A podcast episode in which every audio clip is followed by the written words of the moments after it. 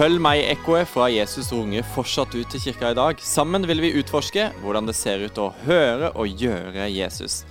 Du hører på Re Jesus, og jeg heter Geir Loftesnes. Vi fortsetter å være i feiremodus, og i dag skal vi ha besøk av Frode Sandal, som er daglig leder i Haik kommunikasjon et eh, kommunikasjonsbyrå som har som motto å fortelle historier som rocker. For mye av dette her med feire handler jo om historiefortelling. Fortelle hverandre det vi feirer, og det vi er takknemlige for. Så i dag skal vi snakke om eh, hvorfor det er så viktig å bjude på, og kanskje òg hvorfor det av og til er så vanskelig. Hør på dette. Hei, Frode. Takk for at du er med oss i denne episoden. Klar som deg? Ja, jeg er klar som deg, Geir. Tusen takk for at jeg får lov til å være her. En glede. Du, Vi syns det er gøy å bli litt eh, kjent med folk som er med her. Og i dag er spørsmålet gi meg, eller kan du gi meg tre ting som er på din bucketlist? Altså ting som du har lyst til å gjøre mens du lever her på jorda. Ja, Da skal du få noen reisemål, Geir. Ja? Um, det ene Altså, du får en liten variasjon, da. Ja. Okay. Så det ene er sammen med alle, familien, altså. Og da har jeg lyst til å se østsida av USA, altså starte opp i New York, og så har jeg lyst til å ha på meg shortsen i Miami. Hørtes det greit ut? Ja, det er, det er veldig greit. Jeg har sjøl ikke vært på østkysten, så kanskje jeg kan være med? Ja, du kan være med. Du er herved med. Det er den ene. Den andre er at jeg drømmer om å eh, eh på våren eh, stå på ski i Lofoten. Ja. Altså, det syns jeg høres helt fett ut. Ja, det gjør det. Var i Lofoten her forleden, men ikke på ski. Det, det, det har jeg veldig lyst til. Og så har jeg lyst til Nepal. Ja. Jeg har en sånn en drøm om, eh, om Himalaya og sånn. Jeg vet ikke. Det, det, jeg har alltid liksom lest bøker og sett serier om Nepal. Eller om Himalaya. Om fjellklatring og den type ting. Og så en siste. Jeg har eh, veldig lyst til å sykle til, til sommerferien eh, på Rivieraen. Oi, oi. Hei, sykle hele veien. Ja, sykle ja. helt ned i Middelhavet. Det har jeg lyst til en gang. Uh, det høres langt ut. Men nå, nå snek du på fire. Jeg vet ikke om lytterne ja. la merke til det? Ja, jeg snek på fire. Jeg, jeg hørte det sjøl. ja. Men jeg må bare høre. Altså, Himalaya, er det liksom fjellklatring, eller er det liksom nei, nei. Nyte... nei? Nei, nei, altså, jeg holder på med en prolaps. Jeg, jeg, jeg, altså, jeg, jeg skal ikke fjellklatre. Men jeg har en sånn hang mot fjell, da. Jeg har ja. en hang mot uh, å gå på tur. Jeg har en hang mot uh, soloppgang, solnedgang i vakre omgivelser. Så en del av disse drømmene handler jo, er jo i den gata, da. Ja, ja. Kult. Det høres ut som uh, veldig fine bucketlist-mål. Du, eh, Frode, du leder et firma som er opptatt av å fortelle historier. Og et av deres slagord er at dere vil fortelle historier som rocker. Og jeg måtte bruke noen sekunder på å lese rocker, ikke med CK, men med KK. Så det var en ja, artig, artig greie. Ja. Hva er det med historiefortelling som er så viktig? Det vi mener med rockingen, det er jo at vi ønsker å fortelle historier som forsterker, som forandrer, som fornyer, som der er bevegelse i. Vi har erfart gjennom en god del år som journalist eller som kommunikasjonsrådgiver eller som ledere for den saks skyld, at uh, god historiefortelling, det, det flytter folk uh, i en retning som forhåpentligvis er ønska. Så vi har gleden av å leve av det. Uh, både med tekst og med bilde, video, og det er veldig kjekt. Eh, jeg spurte dette spørsmålet til forrige person intervjua i podkasten, men jeg er nysgjerrig på hva du mener. Er det, eh, er det, noe spesielt med den tida vi lever i, som gjør at akkurat historier treffer på en spesiell måte, eller har det alltid vært uh, treffende? Um, Siden du har levd i 2000 år, liksom. ja, takk for den. Uh, mann 48 med 2000 års erfaring. Jeg, uh, historiefortellingen er jo eldgammel. Mm. Historiefortellingen er jo fra altså Det er jo bare til å ta Bibelen. Så er jo, uh, det, det, er jo så mye historiefortelling, og Det er så mye gjentakelser. Legg merke til spesielt kanskje i Gamle testamentet. Jeg har holdt meg i Josva en stund. sant? Eh, det gjentas og det gjentas og det gjentas, disse historiene om når, når havet åpna seg og, og, folk gikk over, eh, osv. Det, det, det gjentar seg. Jeg tror ikke historiefortelling er noe nytt i det hele tatt. Jeg tror historiefortelling er, er eldgammelt. Og så, eh, så, er det jo åpenbart at kanalene er annerledes mm. Eh, enn de var før. Det er liksom fra Netflix via TikTok til osv. osv. Det er jo en haug med kanaler. Men jeg tror historiefortellingen som fenomen, eller som eh, så ja, så, ja, eh, den er jo eldgammel. Mm. Ja, sant. Eh, når du samarbeider med mennesker og bedrifter, eh, hvordan er det du jobber for å finne fram til hva kjernen er i hva som skal kommuniseres, eller hva som skal fortelles, for den saks skyld? Det handler vel først og fremst om å høre godt etter, da. Mm. Eh, og prøve å oppdage de historiene som er personlige, ekte og nære. Eh, det er vi opptatt av. Eh, historiefortelling har en gjennomslagskraft eh, som er annerledes enn rene fakta. Eh, undersøkelser viser at du eh, aktiverer den delen av hjernen som har med opplevelser å gjøre når du forteller historier. Mens når det eh, handler om fakta, så er det en mindre del av hjernen. Det betyr at du sitter igjen med mer gjennom historiefortelling enn fakta. Eh, så vi er opptatt av de historiene som fortelles av vanlige folk til vanlige folk på en personlig, ekte, nær måte. Og det får du først og fremst gjennom å høre, intervjue, være oppmerksomme. Nysgjerrige. Ja. Jeg lurer på om det er Egil Svartdal som har sagt eh, at eh, alle elsker å snakke om seg sjøl. Og jeg syns det er så eh, veldig fint perspektiv. Og det kan jo høres litt sånn eh, rart ut å si sånn, men det er jo sant. Vi, vi, vi opplever oss jo sett og eh, anerkjent og, og verdsatt når vi får dele av vårt eget liv. Noen ganger er det litt sånn vanskelig å kanskje å være åpen om, om ting, og at vi finner den riktige veien, skaper tillit og trygghet og sånn. Men eh, ja. Jeg syns Egil Svartdal er et utrolig godt eh, eksempel, Geir. For det at eh, noen av oss luller oss kanskje inn i en historie om at eh, folk er egentlig ikke opptatt av tro, og de er egentlig ikke opptatt av å være eh, personlig ekte og nære. Men han stopper jo med folk langs eh, en liten, smal vei på ei øy langt ute i ytterste havgap og stopper der med postkassen, og får folk gjennom noen enkle spørsmål til å dele svært personlige ting på en måte som ikke er utleverende, som ikke føles som at noen står der kliss nakne, eh, men som er med verdighet. da. Så eh, han er jo et utrolig godt eksempel på eh, å få tak i de historiene som eh, nok noen av, eller litt for mange av oss, eh, tror ikke finnes der. De finnes jo der. Samtalen om livet, samtalen om tro, samtalen om håp, men òg samtaler som, som stikker dypt, og som kanskje òg til og med gjør vondt. Men hva, hva er dine erfaringer da på hva, hva er det som fungerer i praksis av, av spørsmål å stille? Hvis du skulle gitt oss noen tips? Fordi at det er jo vanskelig å, å, eh, få, ja, å finne liksom helt den rette veien, er det ikke det? Eller er det lett for deg, kanskje? Nei, nei, vet ikke jeg. Jeg, eh, jeg har jo vært heldig og, og levd som journalist og som kommunikasjonsrådgiver i, i ganske mange år, så jeg har nok noen triks i ludo, men, men det er jo ikke noe sånn eureka, kom, lukk deg opp-ting, dette. Men prøv å stille eh, åpne spørsmål. Eh, jeg var nettopp hos eh, kiropraktoren, for som sagt, jeg holder på med en rygg. Eh, og så eh, spurte han hvordan var helga, og dette var på en onsdag. Og jeg syns jo det var et litt merkelig spørsmål å stille på helga. Men Nei, stille på en onsdag, men, men jeg tenkte her kjører vi bare på.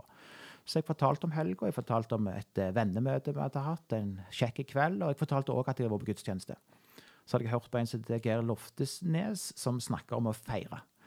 Eh, og så sa jeg det med vilje, da, for det at jeg tenkte mon tro hvordan jeg bygger bro over til Men du, hva tenker du om tro, da? Avslutta jeg med. Og da kom det en historie om universet, om skapelse, om jeg vet ikke hva.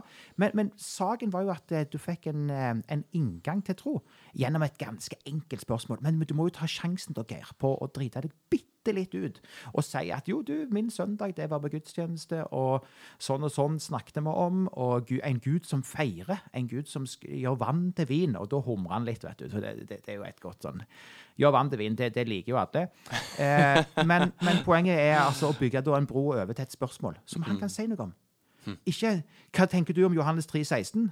Men hva tenker du om tro? Hva forhold har du til tro? Det kan jo veldig mange si noe om. For det er et eksempel på et åpent spørsmål. Altså, for det, det kan gå i mange forskjellige retninger.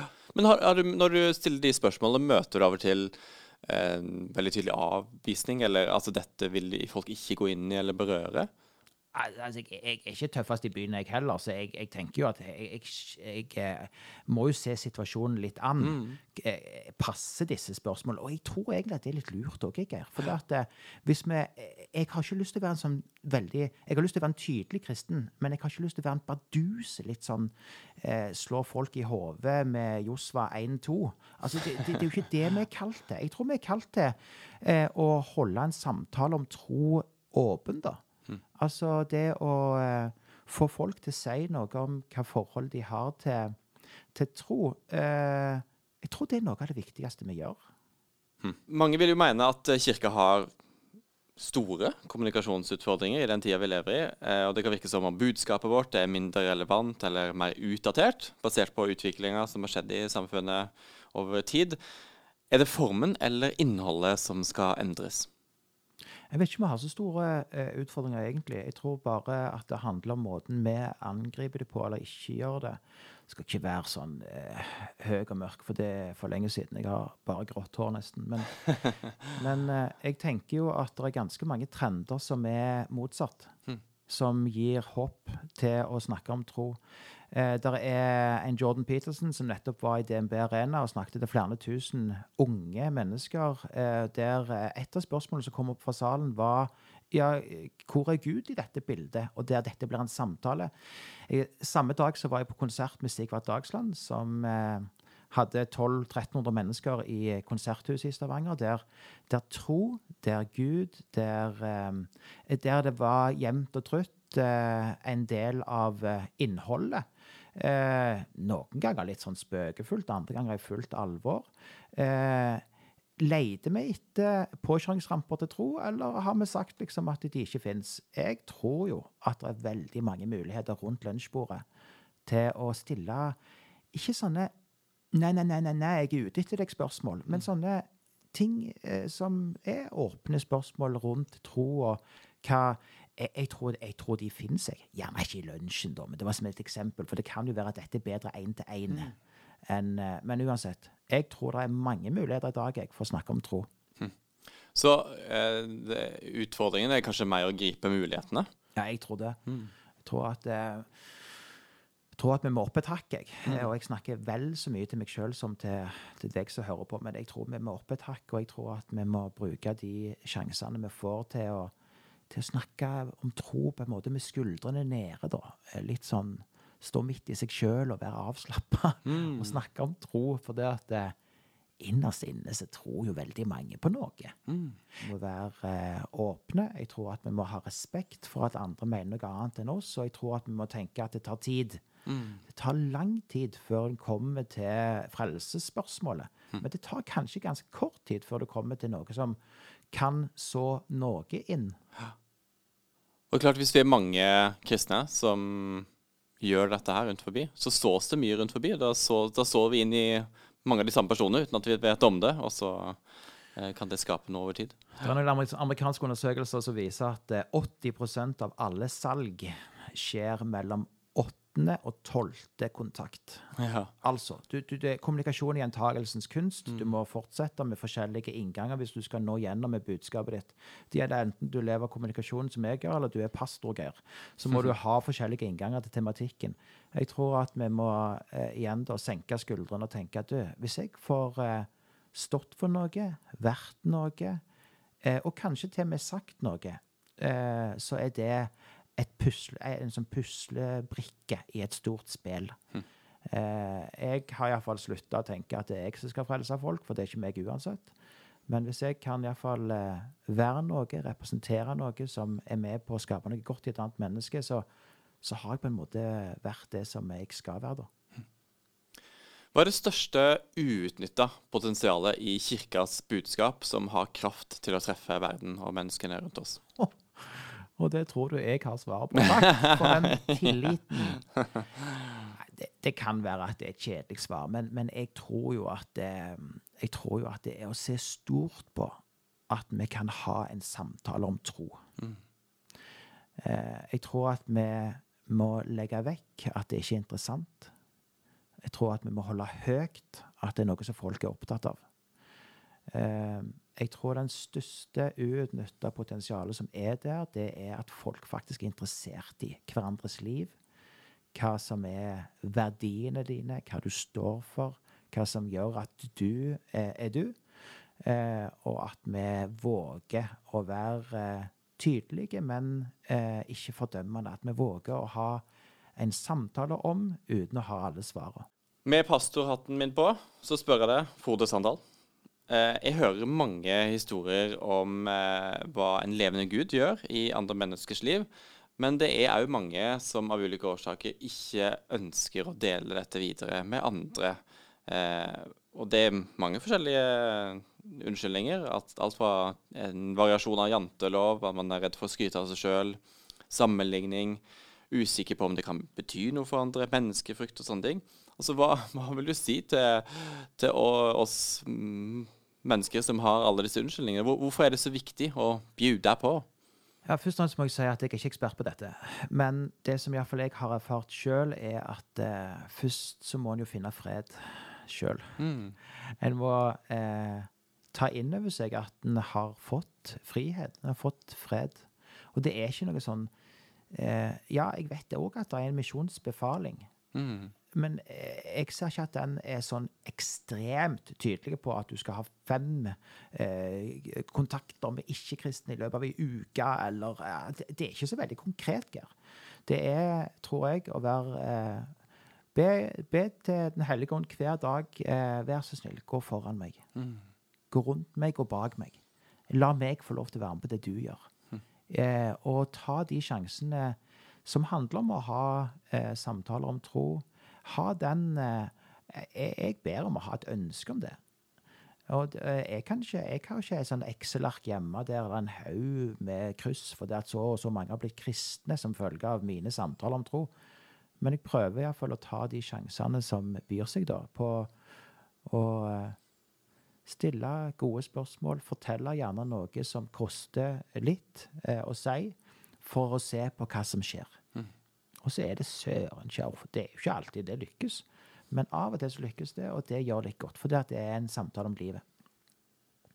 For Fokuset i podden eh, nå og i Kirka for deg om dagen, det er jo feire. Og det handler om å løfte fram de gode historiene om hvem Gud er. Vi tror han lever i dag, og eh, vi har lyst til å høre historier om hvordan det ser ut i eget og andres liv. Altså at det deles med hverandre. Eh, og På den måten så gir vi rom for å feire Gud og hvem han er og vi utfordrer hverandre på en takknemlig livsstil. Kan du si litt om hvordan du gir rom for uh, feiring og takknemlighet i, i eget liv? ja. Mm. Det varierer nok litt på hvem du spør i mine omgivelser òg, og det er ikke alltid at jeg lykkes så sykt godt med dette. Men um, jeg har blitt inspirert av flere eh, når det gjelder dette med takknemlighet. Så eh, jeg husker spesielt godt ei som snakket om at eh, før hun sto opp Og dette var en dame som var prega av sykdom, hadde hatt eh, alvorlig sykdom i mange mange år. Mm. Så skulle hun takke Gud for ti ting før hun sto opp. Det er en sånn en setning som har satt seg hos meg. da. Det er klart at det gjør jo noe med, eh, med holdningen til dagen dette med takknemlighet i forhold til jobb eh, og folk som jeg omgås på jobb, det er jeg opptatt av. Eh, pleier som regel å eh, spørre iallfall når vi har disse ukessamlingene som vi har der vi møtes, hva har du gleda deg over? Hva er du takknemlig for? Jeg tenker at eh, Når jeg snakker med noen kompiser noen venner, så er det eh, oftest tar bare det spørsmålet. Hva har du gleda deg over i dag? Mm. Istedenfor å liksom ha en litt sånn annen inngang. Jeg tar det som en selvfølge at det er noe å glede seg over. Selv om en står midt oppi noe, så kan det til, til med være vanskelig. Altså, Jeg har respekt for situasjonen, det er ikke mm. det. Men det å våge på en måte å gå rett på en sånn type takknemlighetssjargong, eller eh, gå, gå, rett dit. Vi har så mye å være glad for. Mm. Eh, og takknemlige for. Og så iler jeg til med å si at eh, for meg òg er dette en sånn sak som, som, jeg må jobbe med hver dag. Eh, min default er ikke nødvendigvis å gå rundt og smile og være så takknemlig for alt og alle. Jeg har jobba ganske hardt med det sjøl, og jobber ennå med det. For å være eh, For å ha det sinnelaget. Da, mm. Som er et veldig kristent og fint ord. ja, for jeg tenker at er vi bevisst på å stille disse spørsmålene til andre rundt oss, så hjelper vi både de til å bli bevisst på dette her, men det må jo gjøre noe med oss sjøl òg. Vi blir jo plutselig mye mer bevisst på takknemlighet i eget liv, og òg takknemlighet i andres liv. Altså du, du løfter det opp på, for alle, og det gjør noe med du òg. Ja, og det, det er jo litt sånn skremmende tematikk, dette. For det at jeg holder jo på ennå. Jeg er 48, men jeg holder jo på ennå. Liksom, det er ganske mange ting i livet du må bestemme deg for. Hver dag. Eh, selv om du- jeg nærmer meg voksen etter hvert. Eh, det med takknemlighet går det nok an å være ganske tøff med seg sjøl på at det går an å bestemme seg for. Det med å feire, som jeg vet dere eh, hjemme hos deg har jobba med, eller ønsker å være et sånn feirende folk, det, det går òg an. Det å invitere altfor mange til altfor kjekke og for lange kvelder hjemme hos seg sjøl, det, det går jo an. Og du kan velge å la det være. Eh, det, det er valg i alle disse tinga. Og det er jo ifølge Søren Kirkegård noe av det verste vi gjør, det er jo å velge. Eh, men det går an å velge eh, takknemlighet. Det går an å velge å feire de tingene som kan feires. Men det er, det er hardt, da. Men hvorfor er ikke det å, feire og det å være takknemlig, hvorfor ikke, hvorfor er ikke det eh, det samme som å feie det, det vanskelige under teppet? Eh, jeg tenker at det går fint an eh, å gjøre begge deler. Jeg tenker at det, det handler om eh, fokuset. Det handler om å våge å stille eh, disse spørsmålene som gjør at du får eh, ekte svar tilbake igjen. Som gjør at du eh, tror noe av det viktigste vi gjør jeg, eh, som eh, mennesker, og det gjelder jo i alle relasjoner, og det er eh, utfordrende nok til tider, det, det er jo eh, å ha eh, em, Keep your love on som det er i bok som heter. Eh, det er jo å, å, å stille disse spørsmålene som gjør at eh, relasjonen holdes varm. Og det gjelder enten det er med en takknemlighetsinngang, eller det er med en Oi, eh, nå har du det vanskelig inngang. Så det du sier på mange måter, at dette kan henge veldig godt sammen? Det Jeg kan både gi rom for det som er vondt og vanskelig, for det er- treffer oss alle, men Absolutt. ikke minst der holde perspektivet oppe på takknemlighet og, og feiring. Ja, og så eh, finner du jo fort ut eh, om folk er ekte på takknemlighet, eller om det er bare en sånn påklistra greie. Jeg tror jo at det er en påklistra greie med en gang jeg hører at det ikke er rom for noe annet enn feiringen. Altså, vi er jo ikke gladkristne. Eh, Vi, vi, vi er jo kristne, og så er vi jo, prøver vi jo å være glade. Men, men altså eh, vi må jo holde eh, disse tingene sammen. Pluss og minus henger ofte sammen. Søtt og salt henger ofte sammen. Og sånn er det jo i forhold til å feire, og resten av livet òg. Så vi må jo være, tenker jeg eh, Jeg ønsker å være eh, åpen for feiringene, men jeg ønsker òg å være åpen for de tingene som, som eh, ikke gjør godt, da. Jeg har så lyst til å høre en radikal historie på hvordan du har fulgt etter Jesus, eller en morsom historie. Har du lyst til å dele med oss?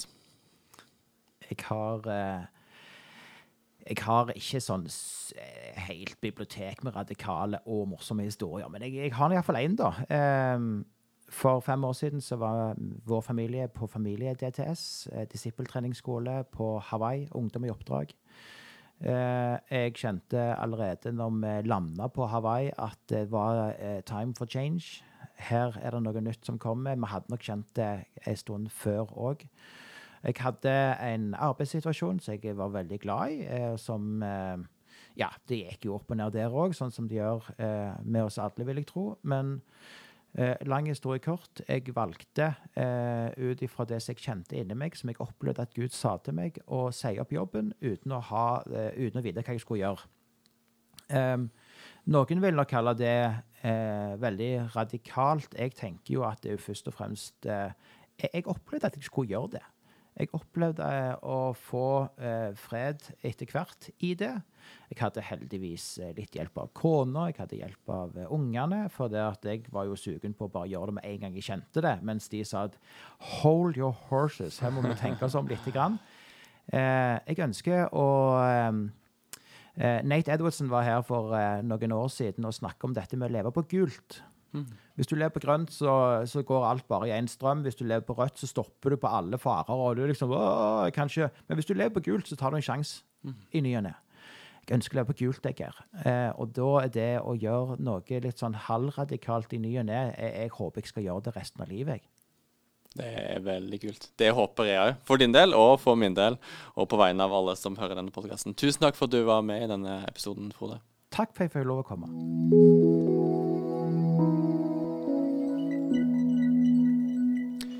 Syns du òg det var inspirerende å høre hvordan Frode forteller om takknemlighet i eget liv, men ikke minst òg hvordan han fisker ut takknemlighet fra andre?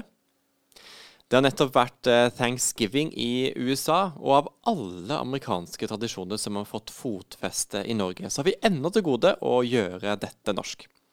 Nå har vi utfordra menigheten vår til å være med og invitere til høsttakkefester rundt forbi i Stavanger-regionen. Bruke hjemmet til å invitere kjære og nære, både i og utenfor kirka.